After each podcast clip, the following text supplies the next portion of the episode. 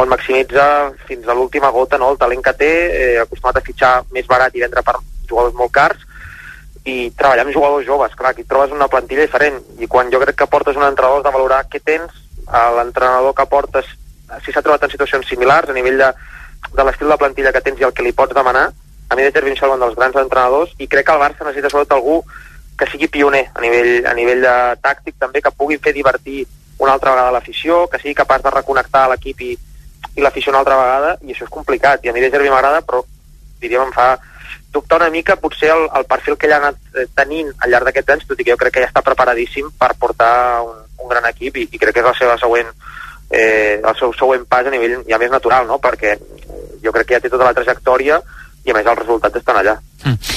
Uh, Albert, uh, del partit vols dir alguna cosa? T'ha semblat un desastre? Què t'ha semblat el, el Barça?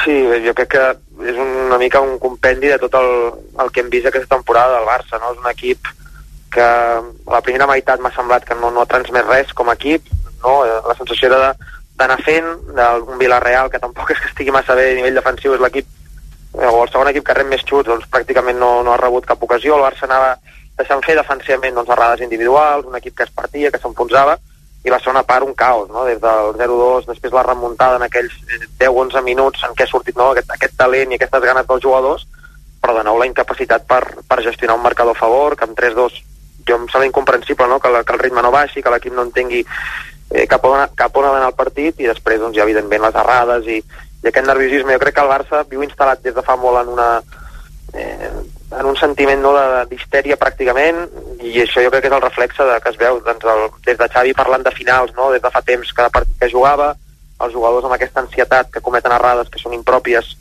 de futbolistes d'aquesta categoria i al final jo crec que quan tu veus aquest equip no, no està disfrutant jugar, no s'ho passa bé i, i al final això és un joc, si no t'ho passes bé doncs, doncs acabes, acabes tenint partits com aquest que, que em sembla el més normal, tenint en compte que el Villarreal davant almenys talent sí que, sí que té. Mm. 22 i la 1. Gràcies, Albert, abraçada. Una abraçada, bona nit. I uh, ara vaig re, un moment a la velocitat, però abans deixo marxar el Xavi Puig i el, i el Jaume Molló, que jo crec que porten ja unes quantes hores aquí a...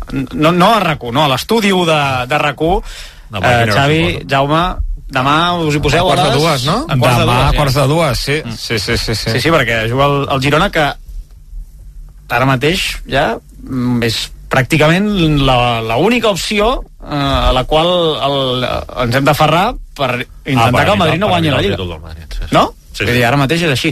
De seguida, després de la publicitat, anem fet, cap a Vigo. Fet, el, amb tot com està quedant el panorama, eh, l'any que ve els, els enviats especials que hem anat d'Aràbia Saudí no ens agrada gens al país, diria que, Potser, que, que ens lliurem. Jo era dels que estava segurís, segur, molt segur de que el Barça quedaria per davant del Girona a final de temporada i després del que ha passat avui i de la situació en la qual ara mateix està el club ja una tinc, derrota a Montilivi. Ja tinc, ja tinc molts dubtes. Puig, Molló, gràcies. Que vagi Bona bé, pausa i anem cap a Vigo a veure què, què en diu l'Agut que demà hi ha partit de, del Girona que és ara mateix, com dèiem la alternativa al Real Madrid en el títol de Lliga. Sí, sí, molts portals, moltes webs, molts concessionaris, però al final el tracte, les facilitats i allò que necessitava a l'hora de trobar un cotxe només ho he aconseguit a edificar.com. No t'ho creus? Prova-ho, prova-ho! edificar.com. I si fa falta, te'l portem personalment fins a casa. A Mundo Deportivo ho vivim tot minut a minut. La tensió de cada jugada l'adrenalina de cada volta, l'emoció de cada punt, els nervis de cada final. Mundo Deportivo. Ho donem tot. Aquest mes de gener a la xarxa Fort de Catalunya estem de rebaixes. Aprofita l'oportunitat i emporta't ara el nou Ford Kuga etiqueta 0 amb un 24% de descompte. Sí, sí, ho has sentit bé. El nou Ford Kuga etiqueta 0 amb un 24% de descompte. Només del 15 al 31 de gener. La nova mobilitat és cosa de fort. Te compra tu cotxe, te compra tu carro, te compra tu buga.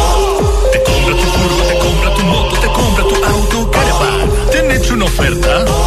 Te la mejoramos. Has oído bien. Mejor precio garantizado y compromiso de pago en 24 horas. Ven a vernos.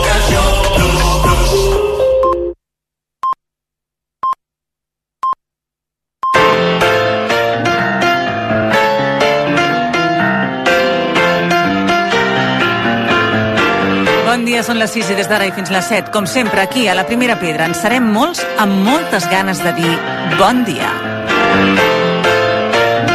La primera pedra, dissabtes i diumenges de 6 a 7 del matí.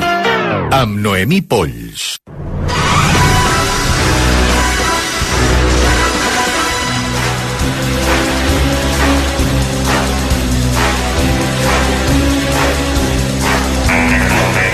Les pel·lícules de James Bond van marcar un abans i un després en el món de l'espionatge. De fet, l'espionatge ha fascinat diverses generacions de cineastes i d'espectadors.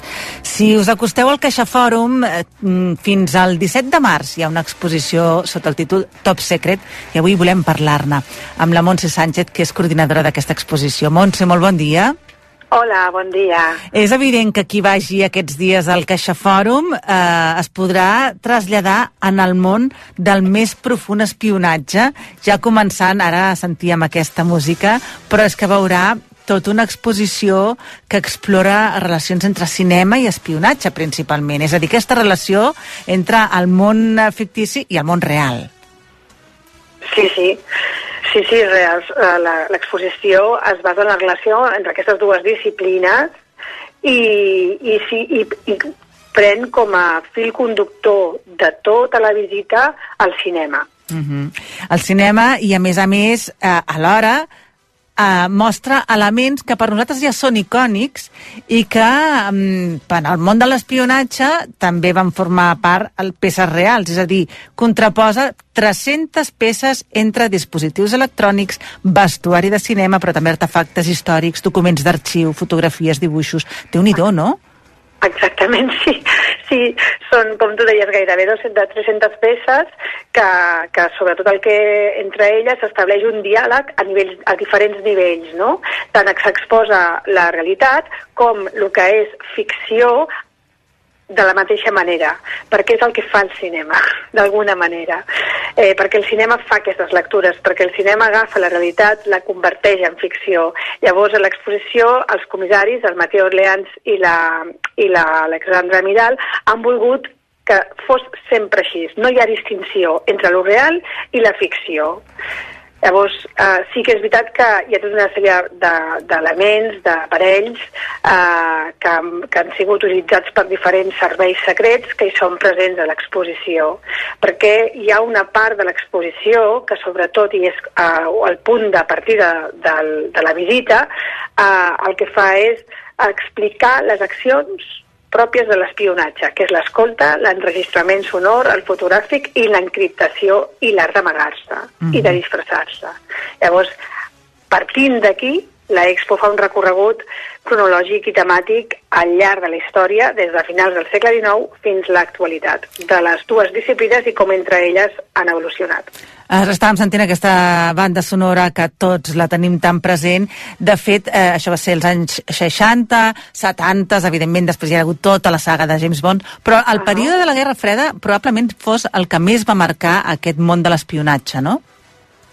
Sí, és una, sens dubte és un dels períodes més prolífics del cinema, d'espionatge, un dels més rics, uh, perquè veure, la Guerra Freda, una de les seves uh, constants, no?, és aquest diàleg que es va establir entre els dos blocs, no?, i que es va construir una base sobre mentida, no? Es deien coses que no sabíem si era veritat o no ho era d'un bloc a un altre, entre est i occident d'alguna manera aquestes mentides es filtraven no? sobre els usos d'ar- d'armes que tenien, sobre els, avances, els avançaments tecnològics que, que, que feien cada costat i jugaven al poder polític a partir d'aquí. Clar, això el cinema ho va, aprofitar, ho va aprofitar moltíssim.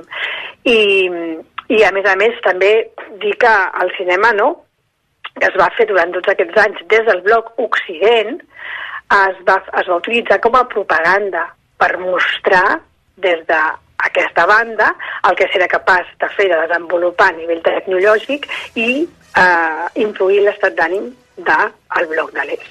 Exacte, però també l'exposició recull una mica aquest punt de mira de l'altra banda, de la part de l'est. I tant que sí, sí, hi ha tota una part en la que s'explica Doncs, eh, per una banda, tots els, eh, tenim un col·laborador molt important a l'exposició, que és un prestador privat que té una col·lecció d'aparells de la KGB i, de, i també hem treballat amb el Museu de l'Estasi i ens han deixat un munt d'objectes que es poden veure que es feien servir en aquests serveis secrets. No?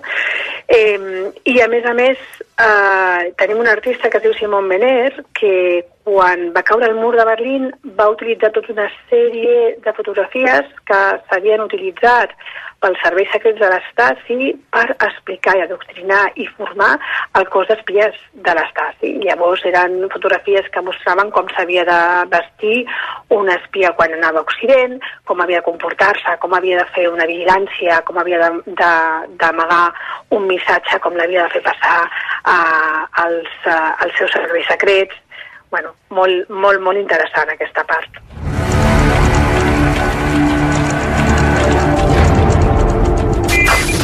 Last night at 2300, two UH-60 Black Hawk gunships lit the target with over 8,000... Això és el uh, tràiler d'aquesta sèrie també, Homeland, que ha marcat també tot un imaginari del món de l'espionatge i que també recull aquesta exposició. És a dir, avui dia encara el món de l'espionatge ens atreu i ens fascina.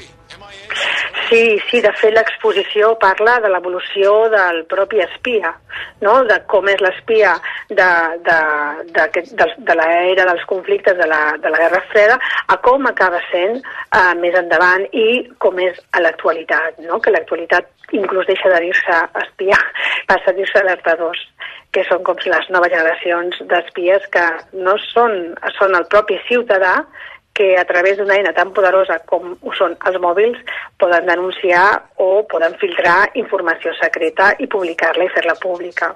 Uh -huh. De fet, tenim dos exemples importants amb els que, amb els que al final de l'exposició hi ha dues peces construïdes al voltant d'aquestes dues figures. I de fet també hi ha un joc de, amb el mateix espectador de l'exposició, no? Vull dir que al final acabes entenent moltes coses del món de l'espionatge que, que també et poden afectar a tu. Segur que tots som espiats en algun moment determinat, no? Exactament. Uh -huh. sí, sí. Uh, seguint aquest recorregut cronològic i temàtic, l'exposició estableix com a punt de partida un joc de semblances entre dues figures, la del cineasta i la de l'espia. Un recorregut que podreu fer, com dèiem, al Caixa Fòrum de Barcelona i que serà molt, molt, molt interessant. Us sentireu també partíceps d'aquest joc d'espionatge. Fins al 17 de març en teniu possibilitat. Montse, moltíssimes gràcies. Moltíssimes gràcies a vosaltres.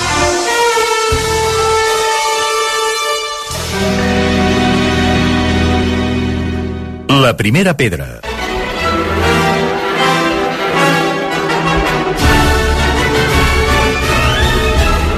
Sí, doncs sí, toca òpera. Molt bon dia, Marc. Toca òpera sí o sí, que Sí diria una sí. amiga meva. Sí o sí. Aquí estem. Moment d'aquests de pau espiritual a través de la música. Mira, t'ho diré així. Avui us puc donar Tot i que moltíssima tu pau. en revoluciones a amb les històries, que déu-n'hi-do. Sí, és cert, i escolta'm. també és veritat que no tinc un caràcter precisament pacífic jo a l'hora de parlar i d'explicar. Afortunadament, Ah. perquè ens contagies aquesta passió per la música que també devia tenir la figura de la que parlarem avui. Sí, si més no, s'intenta contagiar-ho. La figura que parlarem avui és una música que, evidentment, jo us dic que us portarà pau. Avui aparquem un moment les anècdotes perquè hem de parlar d'una gran contral que, pobreta, ens ha deixat, res, la setmana passada, i jo crec que se li ha de fer un homenatge enorme, com era enorme la seva veu, i és que parlo de la contral polonesa Eva Potlés.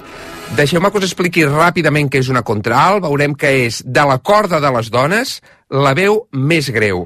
Però el prodigi d'aquesta dona era que la tècnica vocal era tan meravellosa que aquesta dona era la reina absoluta de les contrals. I començarem, com no, amb un dels seus rols i dels seus compositors que millor cantava, que era, com no, el gran pare de tots, Rossini. Escolteu això.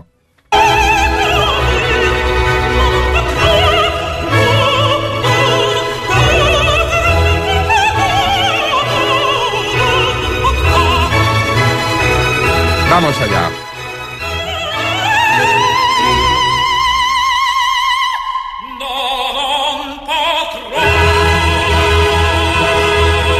Exacte, aquí hauríeu d'haver vist la cara de la Noemi que m'està fent cara de susto. Sí, sí, sí. Va aquí d'allà has dalt, vist. allà baix. El tipus de veu és supercarnosa, és superfosca, té un volum. A més a més, té una facilitat per la coloratura brutal. Brutal, brutal, brutal, com s'ha pogut veure en el final d'aquesta cabaleta, però és que a més et fa l'agut i vamos, en qüestió de segons que estàs a l'aire, bam, baixes com si fos un ascensor sense frens a les profunditats de les notes més greus. Això és el que pot fer aquesta contralt, però a més a més amb una altra tècnica, això que hem escoltat és el Maometto Secondo, però escoltarem una altra peça de Rossini, que és el Chiro en Babilònia. Clar, els personatges de les contrals moltes vegades són això que es diuen uh, personatges travestits, perquè el que estan representant en realitat són homes amb aquest color de veu. Escolteu, a més, la capacitat pulmonar que tenia també amb aquest final de la cabaleta del Chiro en Babilònia.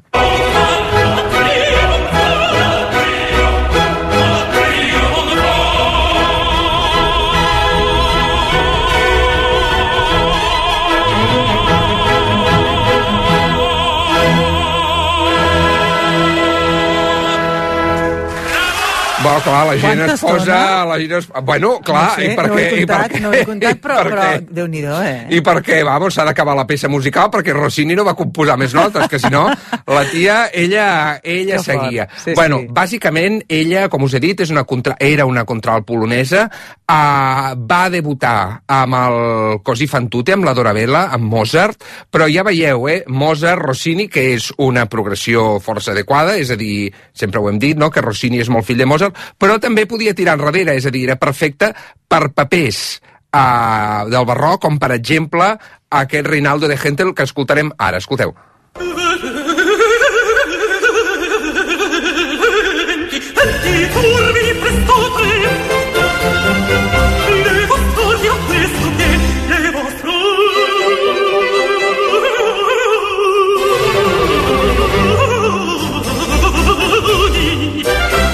Que la capacitat pulmonar li donava joc per fer tot allò que, a més a més, sabia fer. No, no, absolutament. És a dir, tal qual, millor dit, impossible. A més, és que és, és, és una veu tan bonica, tan bonica, amb, ja no és, deixant de banda les capacitats tècniques que aquesta senyora sapigués fer, la veu és preciosa.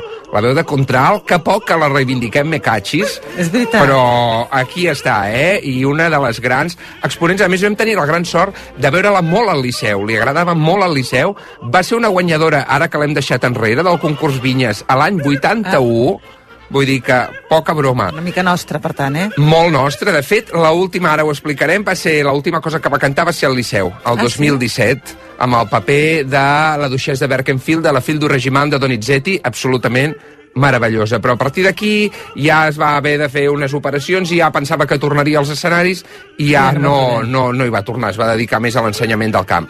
Hem parlat de Rossini, hem parlat de Händel, hem parlat de Barroc, ara escoltem-la també a Verdi. Menys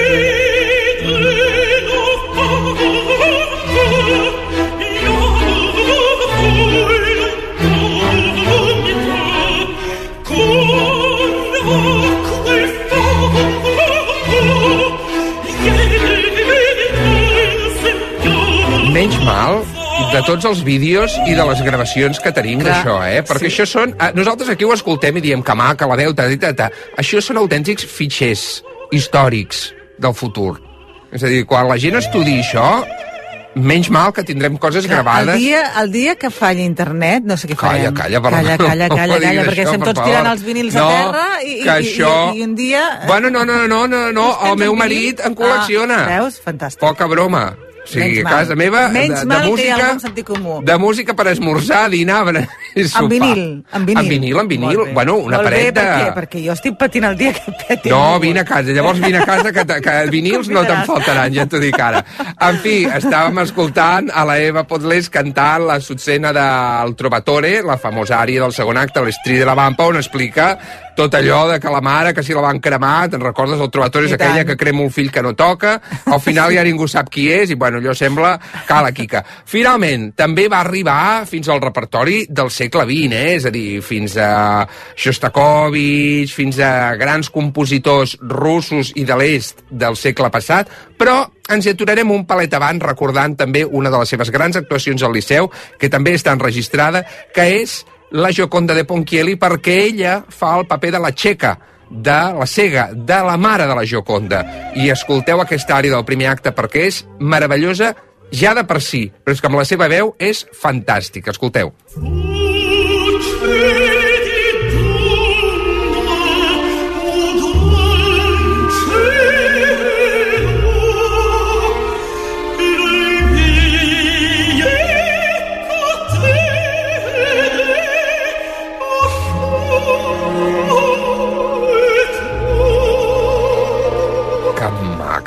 És que, bonic. bueno, avui perquè vaig molt No, no, vestit, a- vaig, a bueno, més- vaig molt vestit, ara pensava la gent que ve aquí amb, amb tanga. És que avui però, has vingut, avui has vingut eh, però, però escolta, sí, sí, bueno, sí. perquè tinc liceu després, vaig en diu menjat, però bueno, en qualsevol cas, el que vull dir és que, ostres, quina Sí, i està molt bé que reivindiquis aquest, aquest personatge, aquesta veu, perquè jo crec que estem poc acostumats a donar-li valor en aquest, en aquest to, no? en aquest, el fet de ser contralt. Jo crec que és un rol o un tipus de veu que ha funcionat tota la història, però que és veritat que els compositors d'abans el tenien més present que els de l'actualitat. M'atreviria a dir.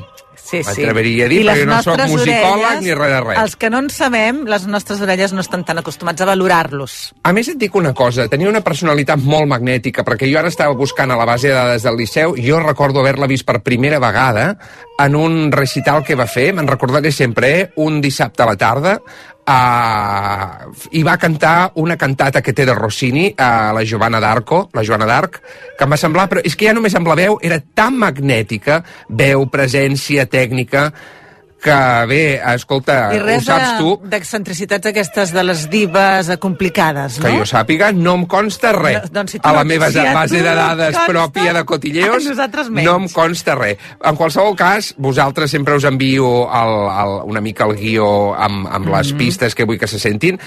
De les vegades que més m'ha costat triar, Perquè Sempre costa, però de les vegades que m'ha costat triar, si no la que més, aquesta.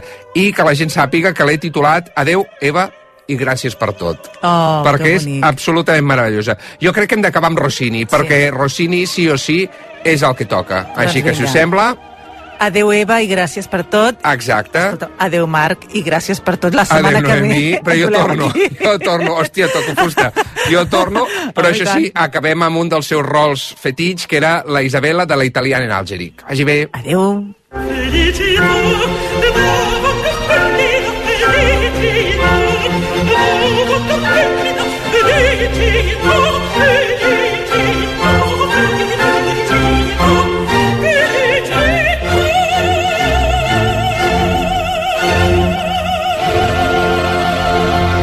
I donem pas ara a en Jordi Margarit. Jordi, molt bon dia. Bon dia, Noé.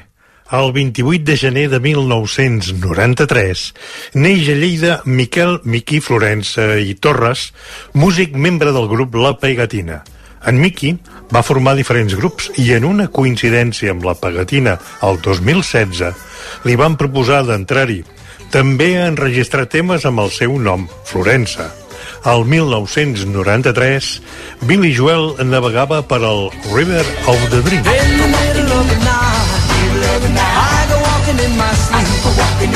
From the mountains of fame, to the river so deep.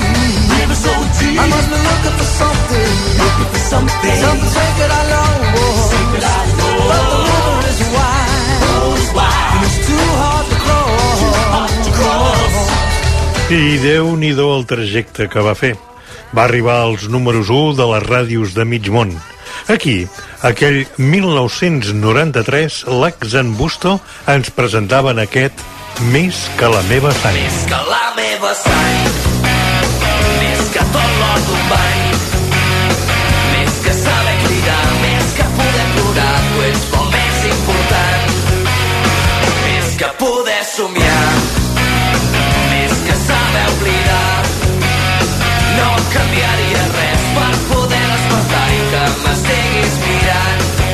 Lacs, un dels coneguts de la segona fornada de l'anomenat rock català. El 1993, la ressaca dels Jocs Olímpics es podia combatre cada migdia a Catalunya Ràdio amb la il·lusió de sortir victoriosos del programa Pasta Gansa que dirigia i presentaven Miki Moto. un clàssic concurs on si resolies més o menys encertadament les preguntes et podies endur una pasta a casa. La manera intencionadament maliciosa de Miquel Calçada n'era el fil conductor. Molt bé, Joan Carles, i saps com funciona això? Tens aquí tres sobres, mm, pots triar l'1, el 2 o el 3, el 2 L'1 o el mateix. L'1? Sí. Quan tu diguis comencem. Pasta gansa. Molta sort. eh? Primera Gràcies. pregunta. 500 pessetes en joc. Possiblement pregunta i resposta eren el menys important. El look general, guió i edició era el que feien atractiu Pasta Gansa. Banc, més que mai fer-me gran, més que poder saber qui seré d'aquí uns anys, més que no saber odiar perquè com estimar tu ja m'ho has ensenyat. Montse Interiors t'ofereix Cases amb ànima.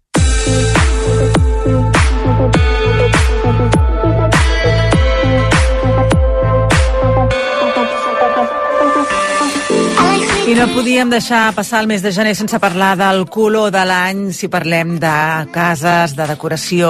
Queta Xampeny, bon dia. Hola, molt bon dia, Noemí. La Queta està al capdavant de la immobiliària Kelly i, escolta'm, li han dit, vine a parlar-nos d'aquest Pitch Foods, foods, no sé com es deu dir. Fas, Ah, fas, fas, fas, doncs mira.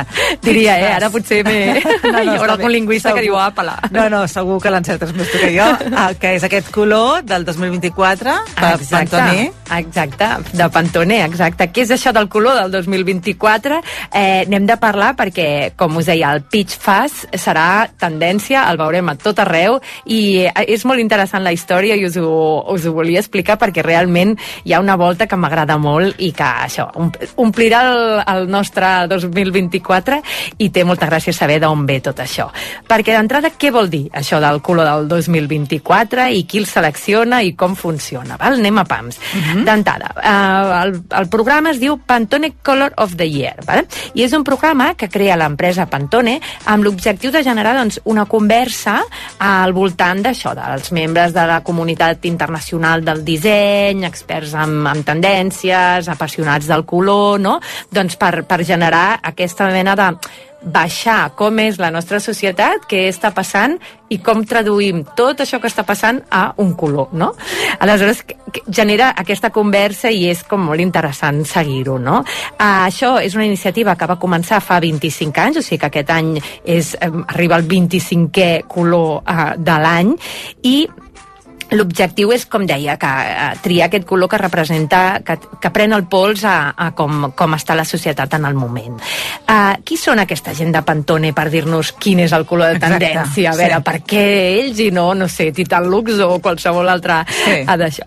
L'empresa Pantone és, eh, eh, té una història molt xula al darrere, que va, eh, és una empresa creada per eh, dues persones a l'any 50 a New Jersey, eh, i els seus fundadors tenien una impremta, i es trobaven super sovint amb que tenien molts problemes per explicar els colors, no? De, I els seus clients i això els, els generava pèrdues, no? Perquè, no sé, imagina't allò, el meu logotip de la meva empresa és de color blau i sortia i l'impre, imprès quedava verd, no? I, I és tota aquesta, inclús, manera subjectiva de veure Sí, els sí, o colors. és un blau més blau, no O és un blau més exacte, lila, un o blau més, més... eh, cel, o sí. jo li veig un, això un punt de verd, no? I, i, i aleshores es troben que això els, genera, els generava pèrdues. Així que van decidir crear una guia, que és la guia Pantone, en el qual feien com un estàndard, una identificació estàndard del cromàtica per definir els colors, com una mena de diccionari dels colors, de manera que ja no hi hagués aquest element sub, sub, subjectiu, o sigui, que diguessis, no, jo vull aquest, el número tal de la guia.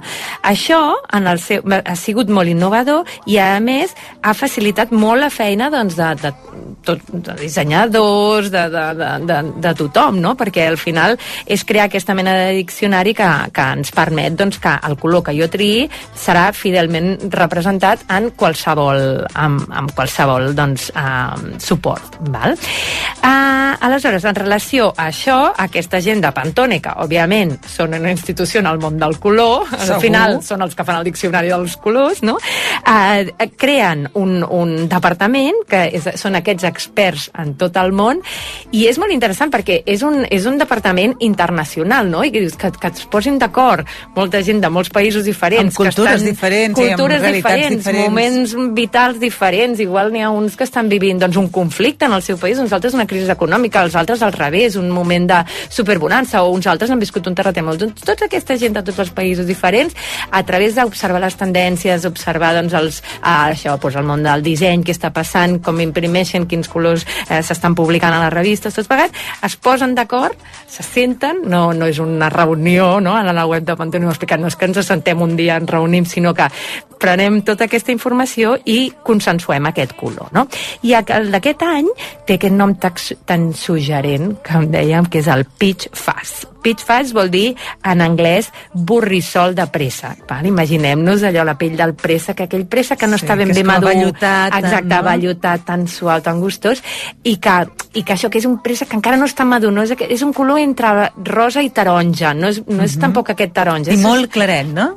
Molt suau, molt, molt, molt claret i, i això, que, que ens aporta una sensació com molt d'una textura que ve de gust acariciar, no? I a, I a més li afegeixen aquest cognom, aquest fas que vol dir borrissol, que quasi, no t'imagines allò quan bufem aquells, com es diuen aquelles plantes, que No bufem i sé, demanem un sí, aquelles desig, flors no? que són com angelets que volen, Exacte, eh? com que es queden suspesos, que, Sí, sí, que sí, sí. floten, no? Doncs eh, prepareu-vos perquè aquest color tan gustós i tan bonic estarà doncs, a tots els articles de la llar, de cosmètics, estarà molt, molt present en moda, a, a, a tot el, el nostre entorn. De fet, ja ho és, per això ells l'han escollit, eh? no és que sigui un bolet, això que es decideix així com així. I eh, és molt xulo això, perquè al final quan veus en aquests 25 anys, jo m'he dedicat en el web de Pantone, anat veient, observant quin era el color del 2019, quin era el del 2005, no? I és molt graciós veure doncs, tota l'evolució, va haver un any que eren dos colors, no? És, és així, perquè al final els colors no?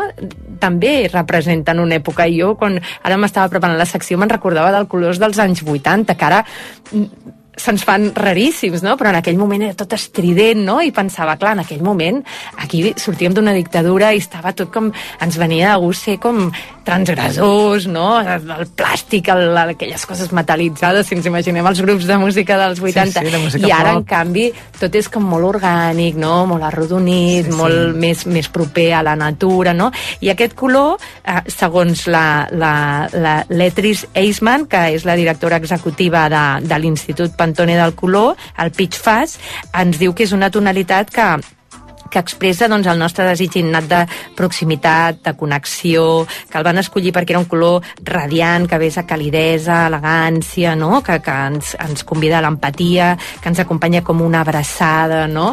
Eh, res a veure amb aquests evocador. altres colors estridents fluor, no? Absolutament Al res. final, doncs, és això, és, és prendre el pols del moment que vivim. No? Doncs està molt bé, ja sabem quin és el color del, del Pantone d'aquest any i el per què d'aquest color. què, exacte. Per tant, si el veieu aquest to de préssec, eh, Exacte. suau, suau, suau, doncs ja sabeu per què Penseu és. que us evoca. A mi, per exemple, em recorda molt els polvos que tenia la meva àvia, saps? Ah, Aquelles sí, que que feien aquella que- oloreta, Ai, sí, hi havia tan aquell bones. cotonet. Maderes de Oriente i aquestes. Ai, sí, aquelles oloretes com de entre Sí, abuelito sí, sí. O, o nen petit, també, que tenen Exacte, aquesta pell mica tan suau. també. La, exacte, sí, Sí, sí, sí, sí, a mi sí, em fa sí. pensar amb la meva germana Ens quan agrada. es posava morena, eh, li, se li posava tot rosset al pèl de l'esquena i semblava això com un És saps?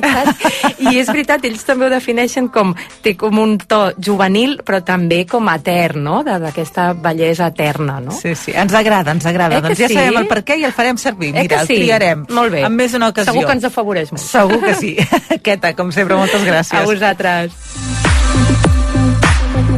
La primera pedra. Dissabtes i diumenges amb Noemí Polls. L'any 1934, el nostre besavi va començar la fabricació i venda de roba per metres. Després s'hi van afegir el fill, el Francisco i el net, el Paco. El Paco es va casar amb la Montse i varen obrir a Sant Vicenç de Castellet la primera botiga d'articles per la llar el 1972. Era la botiga de la Montse. Avui, amb 27 botigues, continuem amb la mateixa il·lusió amb la que van començar el Paco i la Montse. El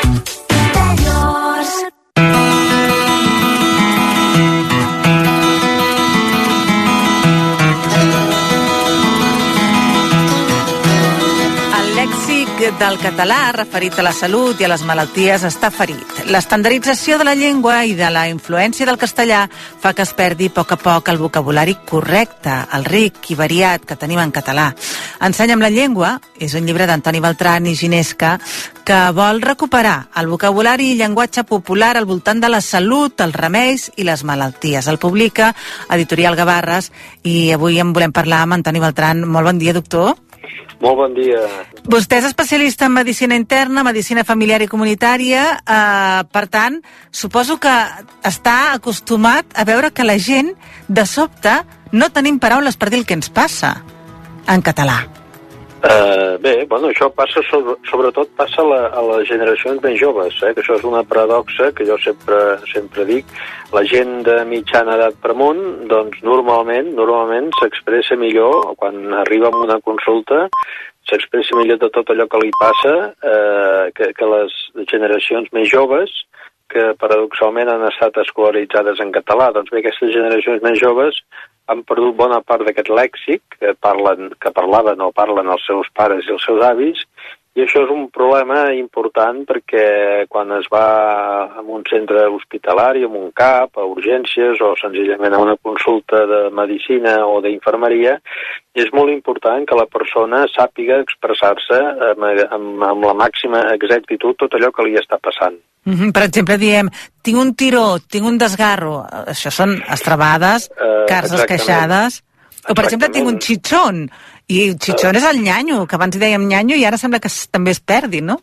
Mm, Bueno, això és, això és influència del castellà, també hi ha molta influència de l'anglès, jo, jo entenc que ara hi ha una influència clara del castellà en aquestes últimes generacions, però, eh, tal com van les coses, possiblement d'aquí una generació més o dues, la influència vindrà de l'anglès.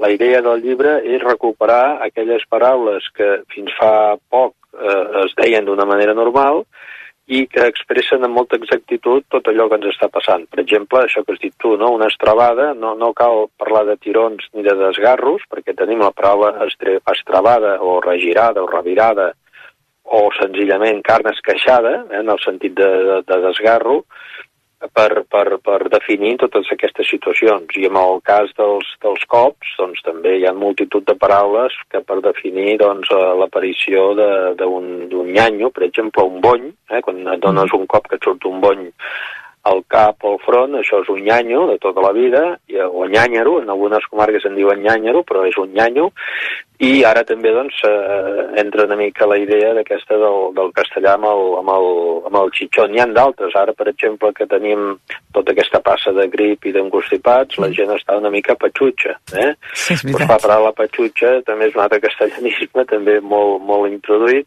però ja tenim la paraula, ja, ja existeix la paraula, eh? està pió, com piocat, que això ve, ve del, del, dels ocells, eh? estic empiocat, eh? estic una mica mal, malaltís, no em trobo bé. Eh? A més a més, un llibre que té un pròleg de Mario Serra eh, i que, a més a més, té unes il·lustracions maquíssimes que encara el fa més seductor, que són il·lustracions del Josep Maria Pauscolí. Uh, exacte, el, el llibre, hem intentat fer un llibre de, de, que, sigui, que tingui un contingut realment in, interessant, que és el que d'això es tracta, però que sigui d'una lectura amable, eh, fàcil i, i molt familiar. És per això doncs, que ha aquestes il·lustracions, ha, eh, amb negreta ha, eh, eh, estan definides les paraules o expressions eh, més, més, més destacables, diguem-ne, i a més a més en el llibre veureu que hi ha uns requadres eh, per emma- que marcats per destacar també les, les aquelles expressions o, o, o aquella, aquella manera de dir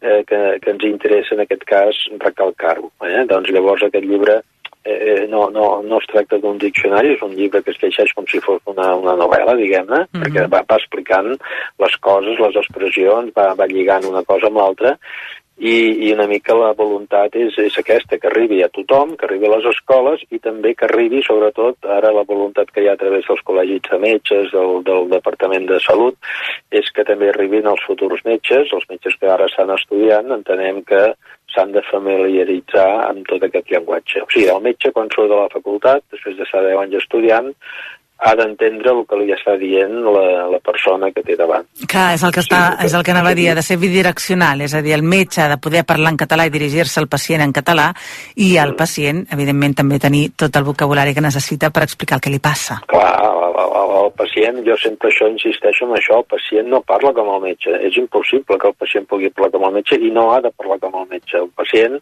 parla que té rogall, que té cremor, que té coragre, que, que té caparrassa, o que, té, eh, que s'ha encarcarat, etc. No? Tot aquest llenguatge que hem heretat dels nostres avis i pares és el que fa servir normalment una persona quan va, quan va a una consulta. No? Llavors el metge eh, jo entenc que el metge ha de comprendre una mica el que li està dient el malalt i, i també una cosa molt important, un cop sap el que, el que té el malalt, li ha de saber explicar amb el registre del malalt, eh? no, no, no usant un llenguatge massa tècnic i massa enrebaçat perquè el malalt no t'entén i hi ha el perill que el malalt s'espanti, eh? segons el que li estàs dient. Exacte. Doncs eh, segurament si feu el recorregut per aquest llibre en el que es passa doncs, per tota la part del cos humà, l'aparell respiratori, l'aparell digestiu, la cara, la llengua, etc etc, recuperareu fins i tot paraules que no sabem per què la gent que sempre parlem en català les hem perdudes pel camí i que les redescobrireu, per tant serà seductor tant pels que parlen ja català de forma habitual com per la gent que no el parli. Un llibre que realment recomano per rescatar totes aquelles formes i expressions que té el món de la salut, que al final és allò que diuen, no? i que el Màrius eh, també ho diu en el seu, en el seu pròleg. Mm, tots desitgem tenir una bona salut i per la salut hi passem tots. No se'n lliura ningú, fem-ho correctament i parlem-la i descrivim-la correctament. Doncs sí, és aquesta, la idea és aquesta. O sigui, no es tracta de recuperar un llenguatge fossilitzat, un llenguatge, per exemple, dels antics buscatans o, de, o dels antics tapers o dels antics pescadors, no? sinó que és un llenguatge que, que tard o d'hora eh, l'hem de fer servir perquè eh, bueno, to tothom ha d'anar al metge d'alguna manera no? I, i, i ha d'explicar una mica el que li està passant. Segur que I torno a insistir en això perquè és molt important. És, és bàsic que la persona que, que té alguna cosa, que té un mal de panxa, que té dolor, que té febre, que té el que sigui, sàpiga expressar-se en propietat quan va al metge. I llavors d'aquí ve la necessitat de tenir un bon vocabulari. Ensenya'm la llengua, d'un llibre d'Antoni Beltran. Moltíssimes gràcies. A vosaltres i fins una altra. Gràcies per tot. La primera pedra arroba racu.cat.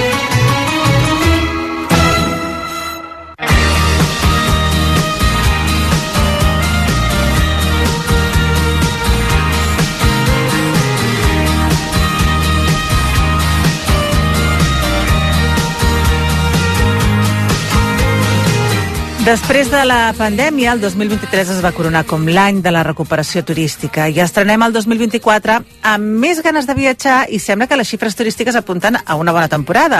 Però la societat, la societat va canviant, surten nous conceptes i maneres de viatjar i volem parlar-ne amb la Magda Vigues, que és periodista de La Vanguardia especialitzada en viatges. Magda, molt bon dia. Hola, molt bon dia. Tenim ganes de viatjar amb els nous conceptes perquè, escolta'm, estem llegint termes com glamping, champing, lisness, spafari, i volem que ens ho expliquis, perquè és veritat que són noves formes de, de viatjar, no? I, però sobretot nous, noves paraules Uh -huh. que emmarquen aquest concepte. Sí, sembla que ens agrada molt, no? Mm, Posar-li noms així una mica originals a les coses. Exacte, sembla que encara és més sofisticat. Exacte. I sobretot si són paraules anglosaxones, doncs encara, Sí, encara sí, agraden encara ven més. I de fet el glamping ja està molt incorporat ja ven molt. Sí, sí, el glamping, eh, ara hi ha molts establiments aquí a casa nostra i a l'estranger que ofereixen glamping, que seria com càmping amb glamour.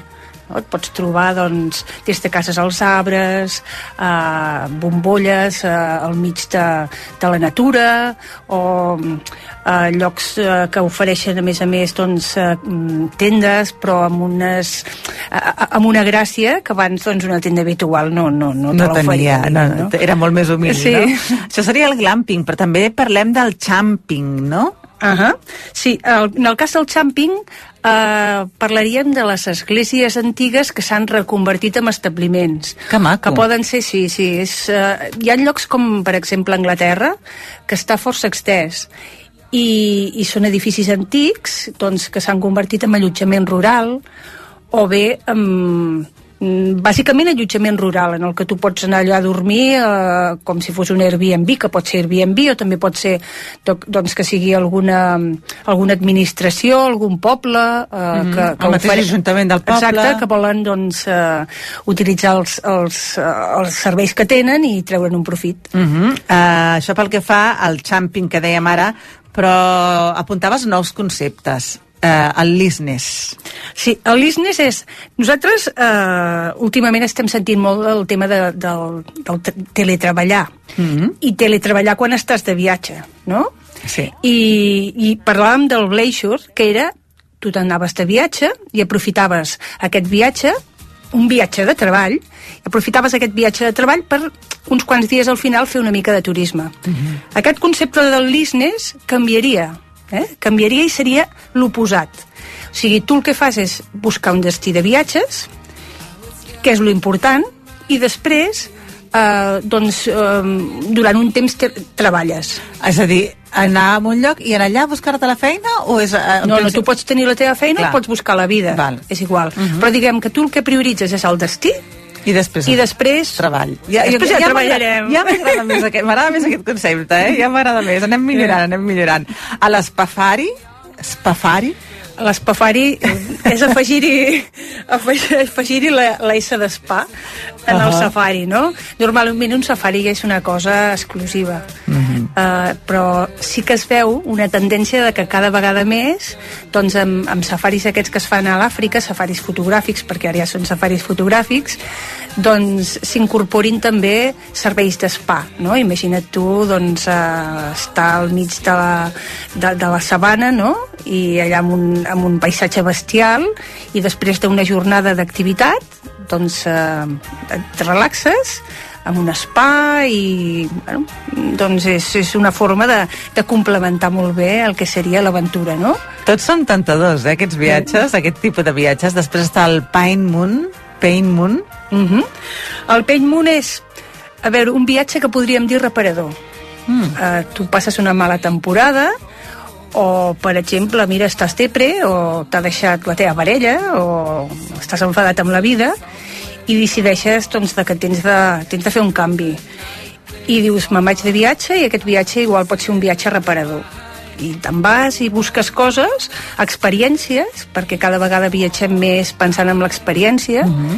uh, coses que, ostres, que em vagin bé i que m'ajudin. Per aquell estat anímic d'aquell moment, no? Exacte, no? que podria ser doncs, des de fer...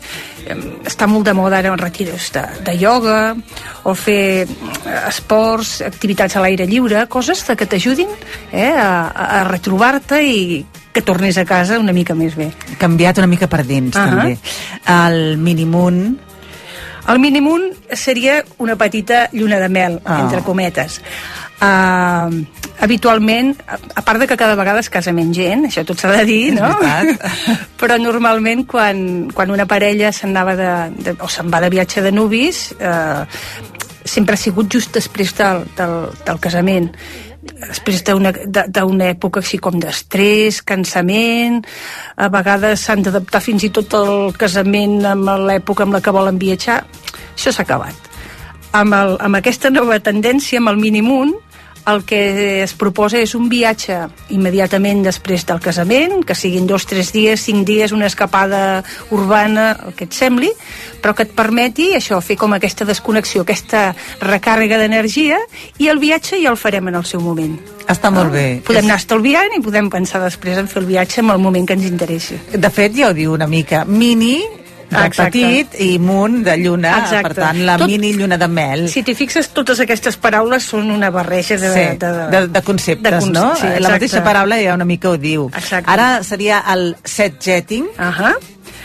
No descobrim res amb això, eh? Tampoc. No. I a més a més ha passat més vegades, ja fa Sí, temps. sí, el que passa que ara sí que sembla que la gent tingui com més dèria amb, amb les sèries. Segurament que les plataformes han fet que es consumeixi molt més eh, el que seria les sèries, la, la, les, el cinema, i eh, molta gent el que, quan viatja el que busca és, ostres, vull veure els escenaris on s'han gravat determinades mm, pel·lícules o determinades sèries hi ha gent que se'n va doncs, a, al Regne Unit perquè vol veure doncs, on es va gravar The Crown o gent que se'n va, doncs, per exemple, a Nova Zelanda, perquè amb el Senyor dels Anells doncs, eh, va començar tota una falera que encara continua en aquest sentit, no?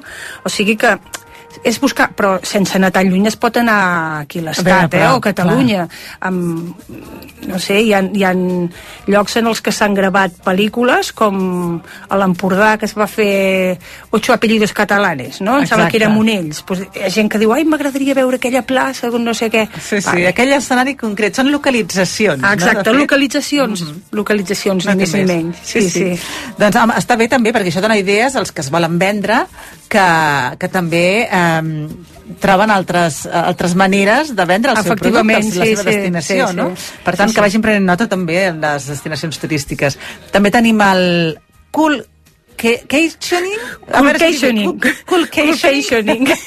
que aquest també és un altre concepte, no? Uh, això sembla que anirà més amb, amb, el, amb el tema del, del canvi climàtic. Ah, ja. Perquè hi ha gent que ja diu, ostres, fins ara anàvem doncs, a la platja però, i feia el turisme de, de sol i platja, però clar, és que ara amb la calor que fa T'he de dir que jo aquest estiu m'he trobat moltíssima gent que m'ho ha dit, que amb aquestes calorades se n'anava a l'altra punta de món on no feia, o, o no, o no a l'altra punta de món, sinó simplement se buscar a un lloc que fa menys més calor. frescos. Exacte. Doncs al cap i a la fi ve ser això, no? Uh, destins en els quals no faci tanta calor, uh, en els quals puguis, doncs, uh, també, com dèiem abans, recuperar energies, doncs en aquest sentit també, no? Recuperar una mica de fresca, no? Fer una mica de càrrega en aquest sentit per, per poder per poder continuar. I Aquí no, no cal anar molt lluny, segurament pues, el més d'anar a una platja com hauries anat al sud del- de- de- d'Espanya, anar-te'n a la costa, Bra, Brava, perdó, a lo millor doncs et ve més de gust anar-te'n a la costa de Galícia. Clar.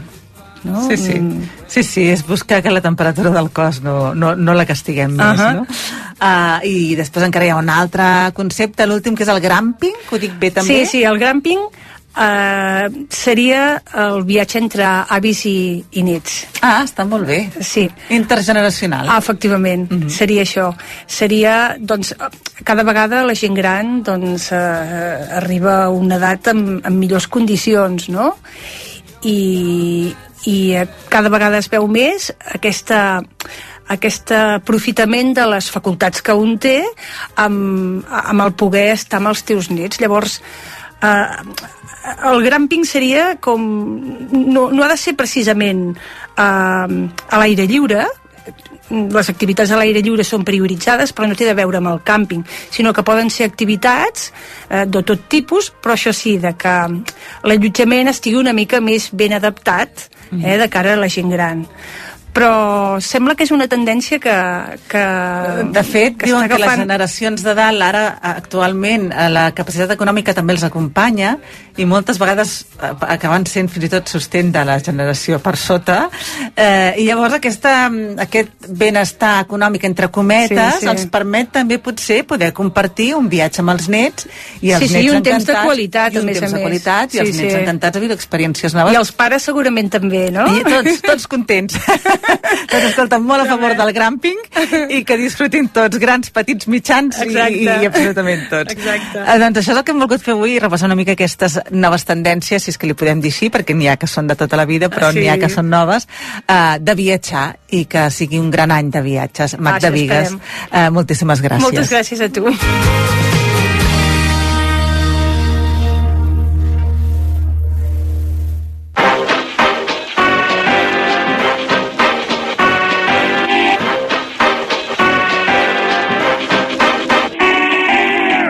Joan Maria Morros, bon dia. Bon dia. Eh, mirem sèrie televisiva, sí. que avui ens ve de gust quedar-nos a caseta. Sí. Manteta, molt llarga o què? 10 capítols, una temporada d'uns 3 quarts d'hora. Ah, una temporada. Però perquè Una ha de ser molt per què? nova o perquè no ha tingut èxit? Mm, Sí, sí que ha tingut èxit. El que passa que vull dir, es- explica una història i, i, I ja està, una vegada l'has explicada, ja l'has explicada. Sé que podrien fer podrien allargar amb una segona, però no tindria... Hauries de buscar una altra temàtica. Aquí la temàtica no deixa de ser, d'una banda, d'una certa actualitat, i després també polèmica, sobretot quan mires alguns eh, comentaris que han fet els espectadors, que l'han puntuat bastant alta, els espectadors, eh, sí, de fet, els que l'han mirat a través de la, de la plataforma. I, I també una miqueta per xarxes. Per què? Perquè el tema que tracta està molt lligat a la situació actual que hi ha a la guerra entre Israel i Gaza. Perquè aquí és una sèrie israeliana, Uh, N'hi ha bastantes també a, a Filmin, són d'aquelles uh, produccions que juntament amb les britàniques, o bàsicament també molt europees, que estan en aquesta plataforma, i aquesta ha tingut això, la, la, diguem que l'oportunitat d'arribar i de plantejar un tema en un moment en què les relacions uh, han abocat aquesta, aquesta guerra entre Israel i Gaza. Comencem pel títol de la sèrie, que es diu Eside. أصدقك في البيت عملت اللي بقدر عليه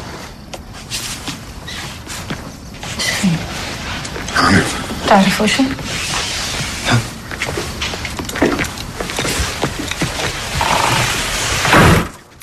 Eastside, que he dit, he dit malament el, el títol a- en anglès. Um, aquesta escena que estem veient és uh, l'arrencada en el primer capítol de, de la sèrie, en la qual tenim un exagent del Mossad, que és el personatge del Momi, que dona vida a en Yuhalevi, que es dedica a treballar amb grups jueus eh, que tenen molts calés i que són molt importants i que són, eh, diguem que dels més importants que hi ha en aquella zona, que estan a Jerusalem i que el que volen és anar comprant eh, fent servir les pitjors arts possibles cases de palestins, d'àrabs que estiguin allà eh, diguem-ne que rebentant el preu per poder fer la seva eh, construcció i a partir d'aquí el que anem veient és sobretot com es va produint el procés això a la compra de determinades, eh, determinades cases, de determinats edificis per poder tenir absolutament tot i després fer el seu negoci amb aquesta història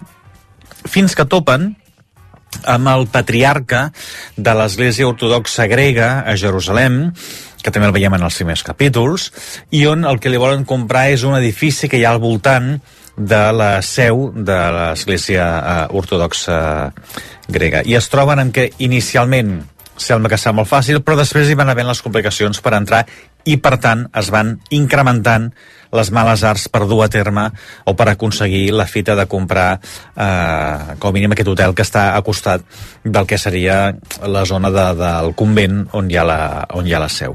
El personatge del patriarca de l'Església Ortodoxa grega, que és el Panos Koronis, i aquestes dues històries, que estan, estan lligades en aquest punt en la pressió que fa l'un i l'altre perquè es pugui efectuar aquesta compra, els va lligant amb moltes més històries al llarg dels 10 capítols. Per exemple, el Momi té una filla que és autista i que té el principal objectiu de poder entrar en una unitat de l'exèrcit eh, jueu i el patriarca també es troba amb els seus problemes personals. Hi ha alguns capítols que passen a Grècia on ell ha de tornar eh, per una malaltia de la, de la seva mare.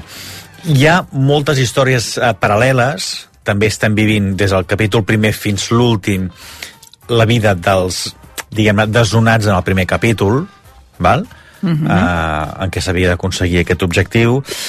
Um, molt interessant, el guió està molt bé, posa sobre la taula un tema d'actualitat que tampoc, que és bàsicament les relacions això, entre uh, uh, Jerusalem i totes aquestes comunitats, eh, relacions que veiem que són desiguals i sobretot que està molt ben interpretada. Bàsicament aquests són els processos principals i els que s'emporten també les més bones crítiques amb la visió d'aquesta sèrie, però Mm, a veure, Sí, jo crec sí. que és allò que s'ha de veure amb molta, sobretot amb molta, molta, molta atenció. No és allò de, saps, estar tenint una pantalla al costat, perquè és millor sí. que no. Mentre mires el mòbil, mira la sèrie, no, no. en aquest cas concret, no. No, està molt bé que ho Molt diguis poques vegades perquè... ho he de fer, eh? Ja. Però saps que allò és... és Cada vegada som més multitasking exacte. i no, no, ens dispersem, ens Sí, dispersem. i que el lloc, és a dir, estàs mirant només la, la, la pantalla de la tele quan veient una sèrie o una pel·lícula, no perquè al costat tens el mòbil, tens la tablet, etc etc etc. Doncs no, aquesta seria d'aquelles per veure eh, sense res més que t'estigui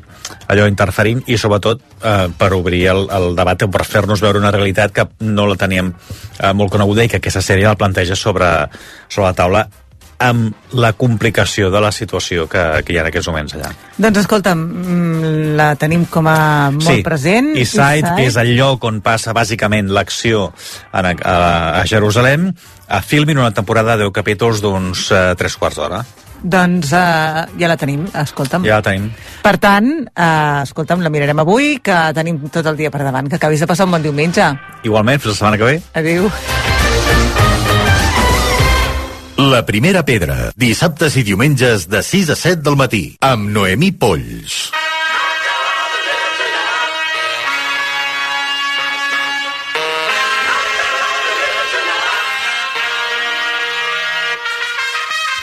Isabel, bon dia. Bon dia, no, ja, bon dia. Trobo que ja s'ha caigut el boli. Bueno, tot, sí, és que, com a... és que m'agrada molt tenir el boli a la mà. És, a més, és d'aquests una mica retro, eh, aquest Sí, boli. de ho diem- jo- diem clar. marca? Sí, i tant. És del Vic, que és aquell Vic dels quatre colors. Ah, exacte, Sí. que baixaves els colorets i sortia d'un color d'un altre. M'agrada molt. I sempre m'agrada exacte, m'agrada molt tenir el boli a la mà. No escric, però m'agrada. Sí, sí, doncs mira. Fa com, fa com, queda estupendo. Fa com interessant. Aquesta noia en sap, sap de què parla.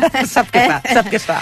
Ai, A veure, que sí, el senyor digues. Spotify sempre Mhm. et proposa temes un de desconegut, un, I un- altre de més conegut. Exacte. Mm. Que a vegades no és del tot desconegut. No, del tot no és, però per mi sí, diguem. Exacte, que per descobreix sí. temes. I si Exacte. descobreix a la Isabel Vinaixa, segurament la majoria d'oients, entre ells jo, Mm. uh, no sabrem Bueno, quin tema és. Bueno, o a veure, no. Bueno, què? o- què? Digue'm, Quin què? rotllo que estem fotent. Pobrets, els estem marejant ara ja, de bon matí. A veure, la novetat.